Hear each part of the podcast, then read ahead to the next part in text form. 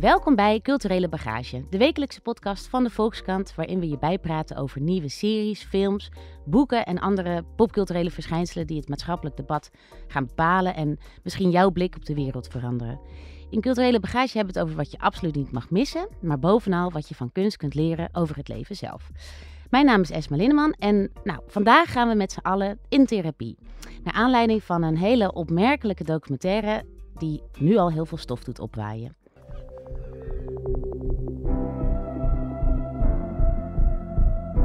What's usually the first question you ask a new patient? The first thing you ask them is, What do you want? You know, why are you here?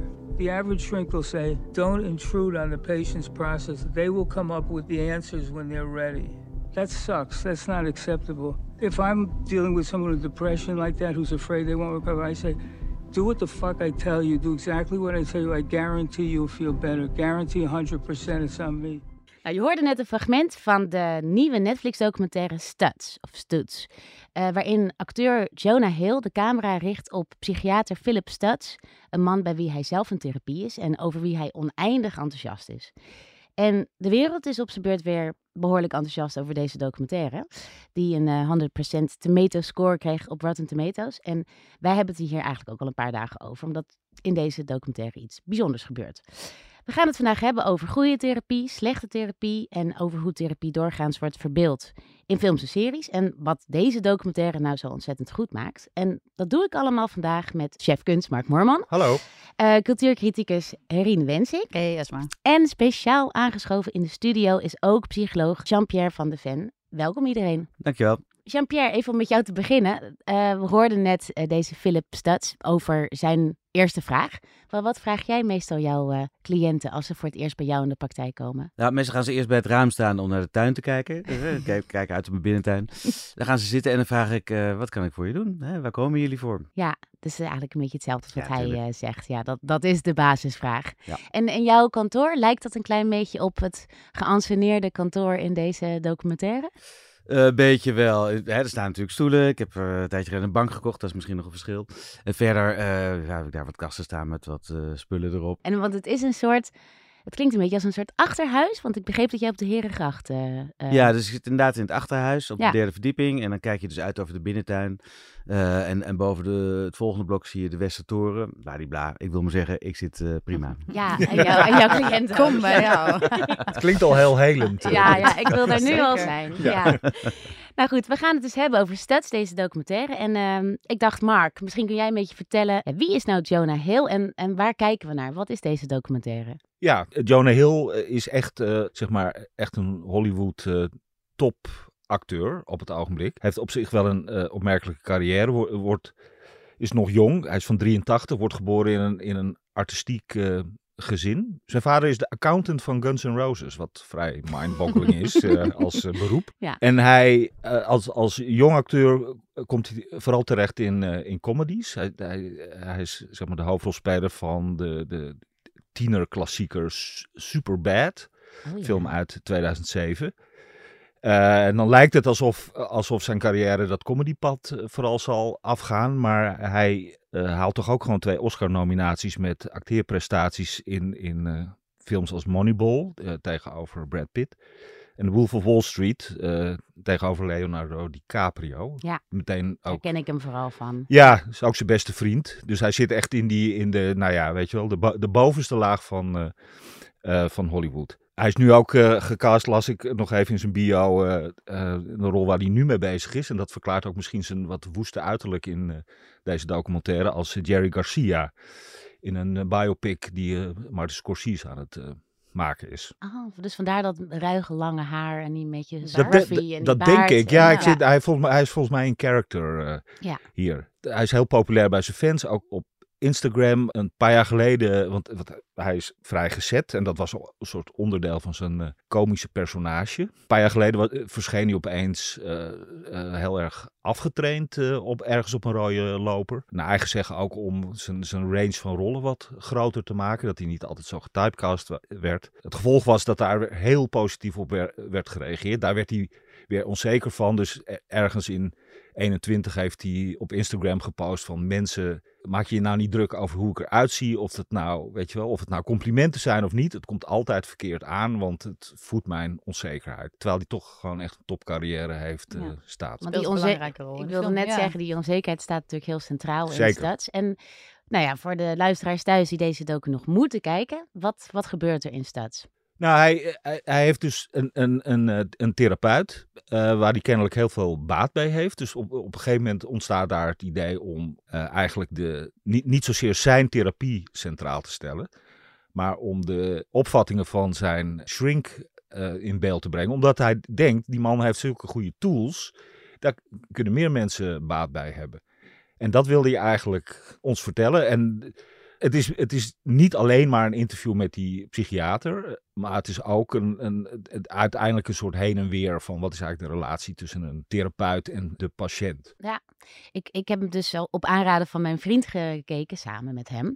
En eh, van tevoren eh, was de keiharde afspraak dat ik niet mocht googlen of recensies mocht lezen. Wat ik normaal altijd doe met series en films. Tijdens het kijken al. Ja, daarvoor, voordat je gaat kijken, Oh, voordat ja. de beslissing valt, gaan we hier naar kijken. Ga ik altijd eerst Oh, even ja. opzoeken en dan zeg ik nee, helaas. Best, irritant, 84 procent. best irritant, eh, I know. En zo, eh, spit, zo eh, delft hij, of, of zo komt mijn vriend er altijd be bekijkt vanaf. Want meestal gaan we dan niet kijken wat hij Hmm. wil. Dus nu zei hij, nee, je mag niks kijken. We gaan gewoon deze. Heel goed. Dus ehm, de eerste tien minuten zat ik hier naar te kijken. En dan zie je dus die Philip Studs en, eh, ehm, en Jonah Hill praten. En, en Jonah zegt dan eigenlijk steeds van, ja, het gaat niet over mij. Ik wilde echt het over jou hebben. En deze documentaire gaat over jou. En dat vond ik in het begin heel irritant. Hmm. En dan komt er een omslag. En die raakte mij echt heel Mhm. hard.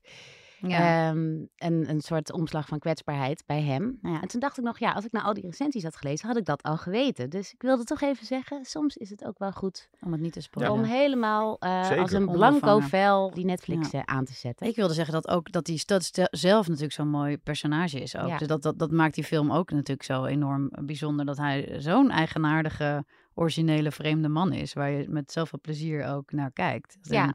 Gekke, nuchtere, dwarse opvattingen. Best wel grove taal. Heel, eh, ik vond dat heel verrassend. En heel ehm, welkom ook in het, in het, in Ja. het praten over therapie. Omdat- Maar je, je moet er gewoon even aan wennen. Er zit een enorme Hollywoodster in de kamer. En Ja. het gaat niet over hem. En, en dat is, dat, daar heb je misschien inderdaad even dat aanloopje in die documentaire voor nodig. Ja, ja, zeker.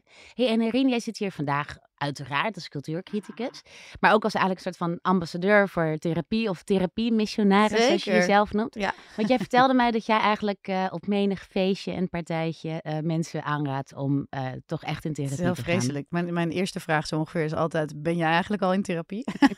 en dan zeggen ze: Nee, nee, hoeft niet. En dan zeg ik: Komt nog wel. Heel goed.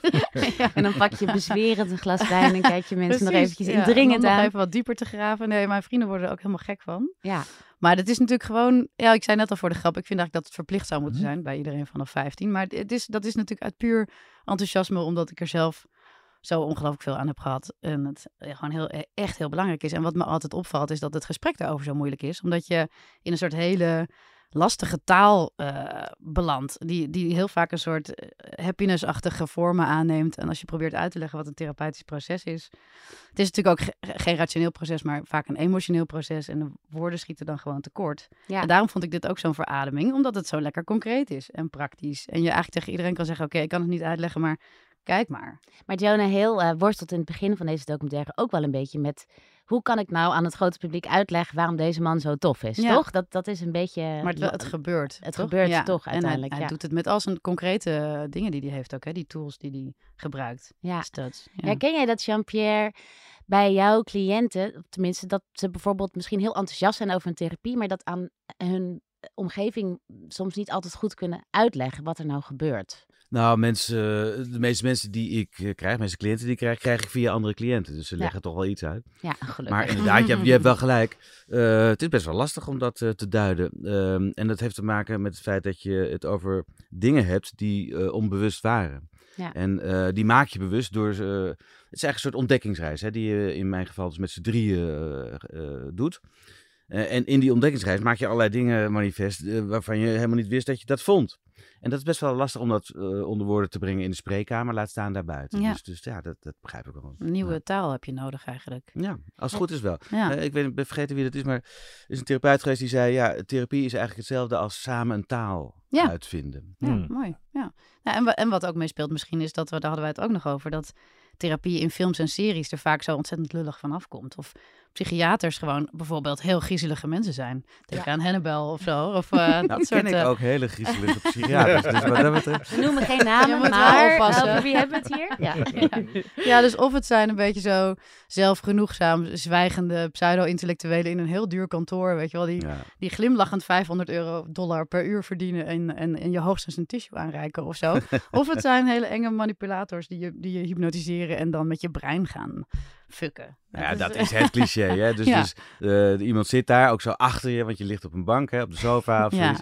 Eh, en inderdaad, die, die, die sneakt dan weg om even een boterham gaan te, te gaan eten. En tegen het eind van de zitting komt zo iemand dan weer Ja, terug. ja, ja, terwijl je aan het praten bent. Ja.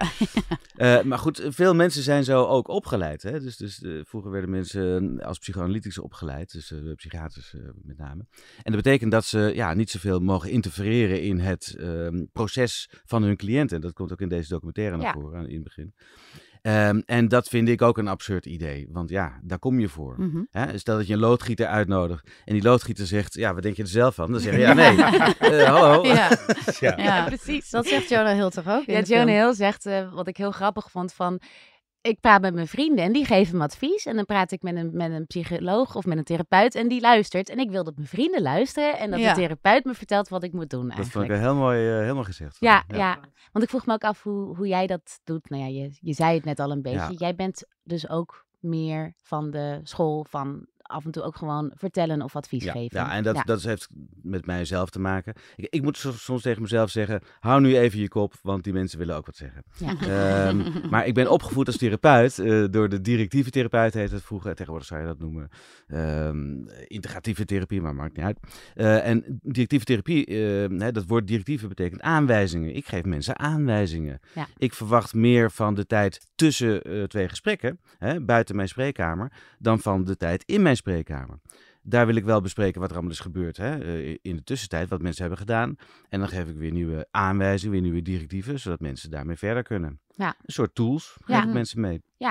Nou, die tools die staan dus in deze documentaire helemaal centraal. Ehm, deze Philip Stutz, he- die, die tekent eigenlijk plaatjes van eh, ja, gereedschappen die zijn cliënten of patiënten, hoe je dat wil noemen, eh, kunnen gebruiken om eh, problemen te lijf te gaan en eigenlijk misschien gelukkiger, tevredener of meer in balans te zijn.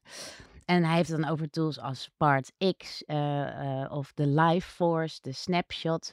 En dat legt hij allemaal uit in deze documentaire. Jean-Pierre, wat, vind jij van zijn, ja, van zijn aanpak? Dus het, het- Ja, dat is. ehm, ja, het is een beetje bij elkaar geabsoortje, eerlijk gezegd. Ja. Eh, in die zin dat eh, eh, veel elementen uit neurolinguïstische linguïstische programmeren komen daarin voor. Maar ook een beetje. Carl Jung zit erin en hij heeft nog gewoon een aantal dingen zelf verzonnen. En dat is prima. Ja. Elke therapeut moet dat zelf verzinnen. Want zoals ik therapie opvat, het is voor mij ook een ontdekkingsproces. Ik, ik ben ook voortdurend aan het lezen en aan het schrijven om te ontdekken wat ik nou eigenlijk vind van wat ik doe. Van wat ik nou eigenlijk vind van de menselijke geest. Ja. Ik heb ook eh, opgeschreven, hè, al, mijn tools heb ik ook beschreven, zou ik maar zeggen. Eh, en die ben, daar ben ik steeds mee aan het werk. En dat wil niet zeggen dat ik meer gelijk heb dan hij of hij meer dan ik of zoiets. Nee, maar iedere therapeut moet dat in dat proces zitten om goed zijn werk te kunnen doen of haar werk te kunnen doen. ja, ja, Hangt ook veel af van de, van de persoonlijkheid van de therapeut, toch? En de relatie Ja. met de cliënt natuurlijk. Dus Precies. dat is zo frappant. Dat, dit, dat je kan je voorstellen dat, dat ehm, niet iedereen bij veel stunts helemaal tot zijn recht zal komen misschien. Ja. En je moet een beetje van die rouwdouwerige, nuchtere manier houden. Nou, ik had dus gelezen dat hij eh, zijn carrière was begonnen op Rikers Island. Dus hij heeft met hele zware criminelen gewerkt. Dat is een beetje zijn. Dat verklaart het En dat, maakt, Ja, dat ja, zie je ja. wel een beetje terug naar mijn Ik heb- gevoel. ik, zorg- ja. zorg gelijk. ik heb jarenlang gewerkt in een psychiatrische eh, kliniek hier in de stad. Oh ja. En dat heeft ook wel iets met mij gedaan, zou ik maar zeggen. Eh, dan praat je dus met mensen die psychotisch zijn, of die manisch zijn, of die heel erg stil zijn en depressief zijn. Eh, en dan ja, wordt er ook wel meer van je gevraagd eh, dan wanneer je eh, tegenover iemand zit die wel bespraakt is en, en geneigd om eh, met jou eh, de problemen te delen. Ja. Ja. dat, dat- dat- ja, grappig, dat wist ik helemaal niet. Nee, nou dat. Dat is dan een gemene deler tussen jullie. hey, en um, Herien, eh, herken... Nou ja, laat ik het zo zeggen. Herien, jij bent ook in therapie zelf geweest. Mhm. Anders zou je niet zo'n aficionado van therapie zijn. Ehm, voor de luisteraars thuis, ik ook. Dus daar zal ik ook zo wat over zeggen. Maar herkende jij iets van jouw eigen therapiesessies in wat we zien in deze documentaire? Ja, oh wauw, dat is wel een grote vraag. Maar ehm, even denken, ja, wel, wel veel herkenning en dingen inderdaad, maar misschien, dat beschrijf je ook al een beetje, vergelijkbare processen, denk ik, die dan net een andere naam hebben bijvoorbeeld of zo. Mhm, Ja. Maar wat ik bijvoorbeeld wel heel sterk ervoer, en volgens mij had jij dat ook bij het kijken, dat er is een moment waarop hij het heeft over de shadow. Ga- Gaan we straks misschien even uitleggen wat dat is? Ja, ik dacht misschien kunnen we daar zo even Ja? naar luisteren. Ja. Maar dat was voor jou in ieder Ja. geval een moment van... Dat herkenning, heel ja, erg. En, ontroering, toch? he- enorm, Want ja. wij appten elkaar daarna dat we alle twee wel hebben zitten huilen. Oh, Ja, ja, ja, ja. Bij die shadow. Bij Ja. die shadow. Ja. En daarom Nou, dacht snap ik, misschien is dat wel leuk om even samen naar te luisteren. Dus wat we gaan horen is Philip Stutz die een van zijn tools uitlegt. Dus een van zijn kaartjes die hij aan cliënten geeft. En dat gaat dus over de shadow.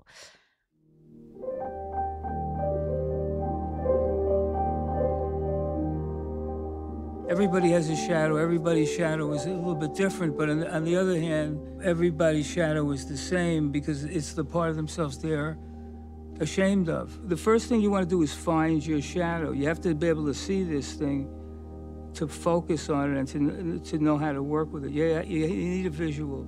So close your eyes.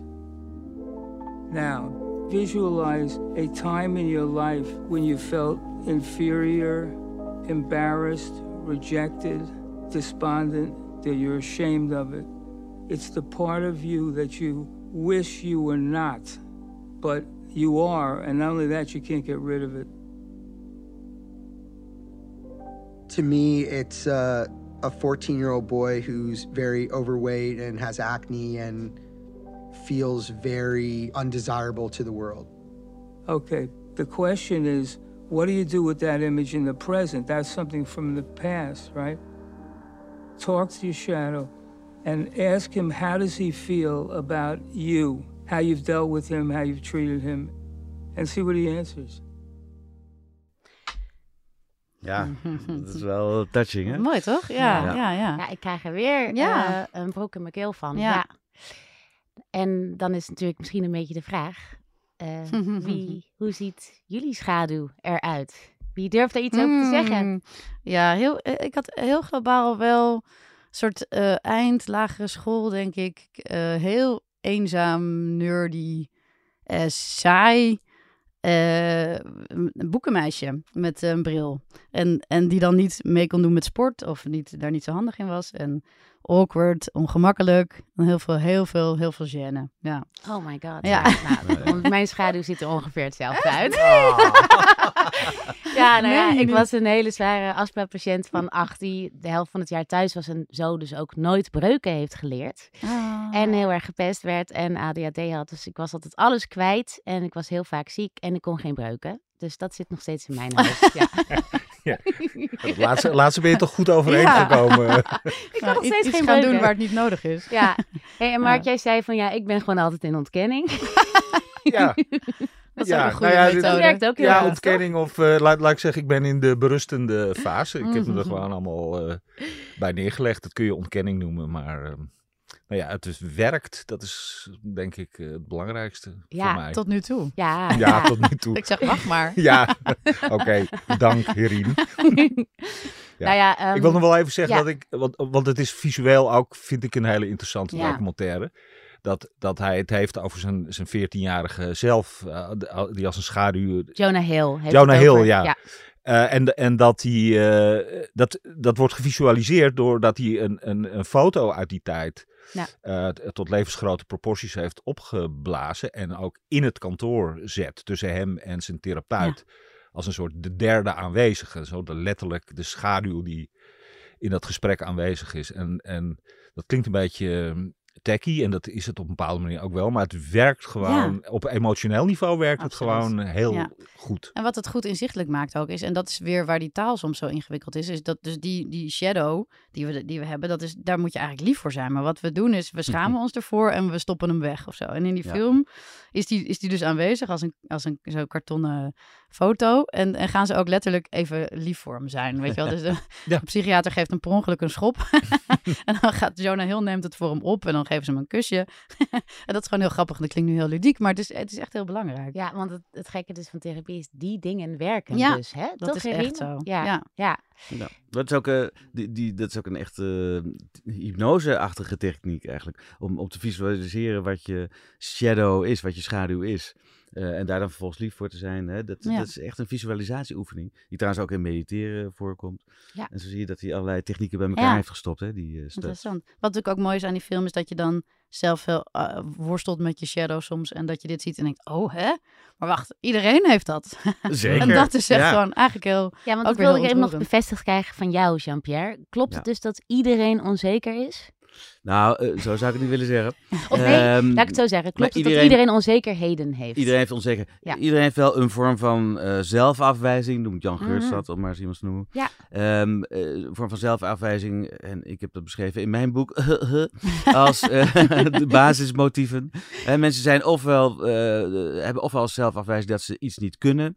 In een relatie eh, niet in staat zijn om een relatie te hebben bijvoorbeeld. Ofwel dat ze er niet bij horen. Ja. Ofwel dat ze niet belangrijk zijn. Of niet goed genoeg zijn. Die komt ook heel vaak voor. Mhm. Ja. En mensen, eh, iedereen heeft wel zo'n Ik hang heb die allemaal. ik zat ze ook... allemaal. Ting, ting, ting, ting, om Nou, eerlijk dan- te zijn. Gaan we een paar sessies uitzoeken wat het belangrijkste Ja, is. precies. en dan komt het allemaal wel goed. Nee, maar hè, je moet lief zijn voor je schaduw. Nou, ik, ik zeg altijd tegen mijn cliënten, je moet dat durven voelen. Ja. Je gaat meestal niet daar naartoe. Je wil niet, in mijn geval was het, ik hoorde er niet bij. Hè? Ik wil niet dat gevoel hebben van ik hoor er niet bij. En dus ga ik compenseren. Ik ga heel snel mijn best doen om heel sociaal te zijn. Ja. En dat is ook wel een ha- handige eigenschap hè, in mijn leven om sociaal te zijn. Maar eh, ik durf dus niet te voelen dat ik er niet bij hoor. Terwijl als je dat wel durft te voelen, dan is dat gevoel veel minder van invloed op je sociale interactie. En eh, ja, heb je veel minder stress. Dus ga er naartoe. Het is bijna hetzelfde Ja, als, als wees lief voor je schaduw. Ja, ja, ja. Ja. ja, en ook die schaamte ervoor, dat je daarvan af moet. Dat vond ik ook heel goed aan de film. Dat je... Ja, toch? Want, Schaamte want, is het centrale woord. Daar gaat het om. Ja, Ja. en dat je dan, eh, als je je schaamt voor, die, voor dat deel van jezelf, dan, dan is dat dus ook een soort zelfhaat eh, situatie, waar, ja, waar, je, waar je gewoon heel, die heel destructief en negatief is natuurlijk. Nou, Nou, ja, Ja, maar helemaal niet, eens. maar niet alleen, omdat, omdat hij natuurlijk als... Hij is acteur, maar hij is ook filmmaker. En, en, en in veel van zijn rollen de- denk ik dat hij gewoon dat beeld ook gebruikt. Weet je wel? Mhm. hij, hij speelt dan de volwassen versie van die man die in, in zijn jeugd zo onzeker was. Ja. En er nu extreem graag bij wil horen. Dat zie, je- dat zie je in zijn beste rollen zie je dat Ja. eh, terug. En hij heeft zelf, eh, als regisseur heeft, is hij gedebuteerd met een eh, film die Mid-90s heet. Dat kan ik je echt aanraden. Hm. Staat op Netflix volgens mij. Gaat over zo'n groep jongeren. En dat is ook weer heel erg op die fase in het leven gebaseerd. Over hoe, wat, wat moet je doen? Hoe moet je je aanpassen om bij een, bij een groep te horen? En Ja, dus, dus al zijn onzekerheden komen als, als soort creatieve motor ook gewoon terug in zijn, in zijn carrière. dus het is niet alleen maar eh, slecht nieuws. Dus ik vraag me ook af van, nee, maar ik denk moet er wel... vanaf, maar Ja, nou, helemaal, je hebt natuurlijk mensen die, in de, zeker ja, veel kunstenaars gebruiken hun eh, trauma's en Mhm. neuroses in hun werk. Maar ik, mijn, mijn theorie is toch altijd dat het werk nog beter zou zijn als ze ermee aan de slag waren gegaan. nou dus ja, je kan het, ja, je op kan een het... bepaalde manier kun je zeggen dat, dat hij ermee aan de slag eh, Precies, is ja, gegaan. zeker. Ja. Ja. Ik wil het ook nog even hebben tot slot over therapie en mannen. Want eh, in deze documentaire zien we twee mannen praten over hele kwetsbare onderwerpen. Ook de psychiater legt trouwens best Zeker. veel van zijn ziel bloot. Ja, ja, Ehm, hoe keek jij daar als psycholoog naar? Want ik heb soms wel eens het idee dat voor mannen de lat nog ietsje hoger ligt. Of nou ja, misschien Hm? ook eh, ja. De drempel hoger de is. drempel hoger nou, ligt. daar is ja. iets aan ja. het veranderen. Het traditionele beeld is inderdaad dat vrouwen zich eerder aanmelden eh, bij therapie. Dus Ja. ook eerder hulp zoeken. Daar verbaler in zijn.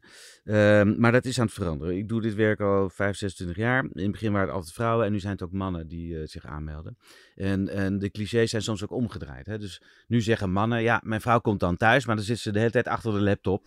Eh, of ze is de hele tijd aan het bellen en hebben nog steeds geen contact. En vroeger was het altijd andersom. Dus, dus daar zijn wel dingen aan het veranderen. Eh, maar de drempel is nog wel hoger voor mannen, ja. Ja. Eh, en dat komt ook door onbekendheid met het fenomeen therapie. Daarom vind ik dit soort doc- documentaires heel goed. En deze eh, met name. Omdat je dan kan zien dat het helemaal niet eng is. Dat het gaat over belangrijke dingen. Dat dat helemaal niet eh pussy is. Dat het best stoer is om het daarover te hebben. Juist heel stoer is, zou ik maar zeggen, om daarover te hebben. Ja. Ja. Nee, precies. Want ik denk dat veel mensen die niet in therapie zijn geweest, niet de ervaring hebben die ik bijvoorbeeld wel heb gehad. Dat je soms bijvoorbeeld extreem opgelucht en Ja. vrolijk uit een Ja. sessie kunt komen. Ja. Het is niet altijd, eh, je zult ook hard werk moeten Ja. verrichten. En soms eh, ja, moet je het over dingen hebben die heel moeilijk zijn en waar je dan verdrietig van bent. Maar je kunt er ook, het kan zo louterend zijn. Ja, absoluut. Ehm, ja, dit is niet een gesponsorde opname vanuit de... Nee, ja, jouw ik boek zwijg. nog even noemen. Ja, jij zwijgt. Ja, ik wil mijn boek heel graag noemen. Eh, nee, maar praten over je gevoelens is denk ik wel goed voor mannen en voor vrouwen. Zeker. Voor Ja. iedereen. Voor En, eh, iedereen, trouwens, ja. we zitten ook vaak eh, hard eh, te lachen. eh, meestal om mij, trouwens. Maar. Ehm, ehm, ik wil maar zeggen, het is niet alleen maar ellendig. Hè? Eh, soms moet je wel eh, een beetje graven naar dingen die niet zo leuk zijn. Maar meestal is dat in het begin. En daarna gaan mensen dingen, tools gebruiken eh, om daar eh, zelf mee uit de voeten te kunnen. En dat is voor mij ook heel fijn om te zien. En, en tot slot nog, de mensen zeggen wel eens van... nee, ik heb geen therapie nodig, ik los het wel alleen op. Eh, wat Ja, dat daar mag. no- Ja, dat mag. Kijk, er zijn veel mensen die dat als compenseermiddel hebben, als verdedigingsmechanisme. Ik doe het wel alleen. Zo zat ik vroeger ook in elkaar. Hè, dus ik hoorde er niet bij, wilde ik niet voelen. Nou, dan ga ik het wel alleen doen hoor, als jullie niet eh, met mij verder willen. Nou, dan word je heel goed in alles controleren en alles eh, zelf doen. En eh, ja, zo kun je ook door het leven gaan. Maar waarom zou je? Mhm. Want er zijn toch allemaal mensen die van je houden om je heen. Waarom zou je daar niet meer mee in contact treden? Ja. ja. En dat ben ik ook gaan doen en dat, dat raad ik mijn cliënten natuurlijk ook aan. Waarom zou je niet hulp gaan zoeken bij iemand die daarover heeft nagedacht en daar eh, ervaring mee heeft? Ja, dus allemaal- Helemaal mee eens. En Amen. deze film kijken allemaal. Ja, want dan, eh, Ja, want ik snel. ervoer deze docu ook wel een beetje als één lange therapiesessie. Had jij dat ook, Mark? Eh, Dat je toch gaat nadenken over jezelf. Ja, nee, al, altijd natuurlijk. Eh, ja, nee, ik vond het, vond, het, vond het niet alleen als film gewoon heel interessant en bijzonder, maar ik vond het ook waardevol. Ja. Ah. Ja, nou, Mm. mooie afsluiter. Dit was Culturele Bagage. Volgende week zijn we hier weer en dan gaan we het hebben over het jaar waarin de massamoordenaar definitief doorbrak. En de vraag waarom we series als Damer eigenlijk zo ontzettend aantrekkelijk en interessant vinden. Montage en redactie is gedaan door Sophia Robben en eindredactie door Corine van Duin. En wil je de journalistiek van de Volkskrant nou steunen? Ga dan naar www.volkskrant.nl slash podcastactie voor een abonnement op de krant. Thank you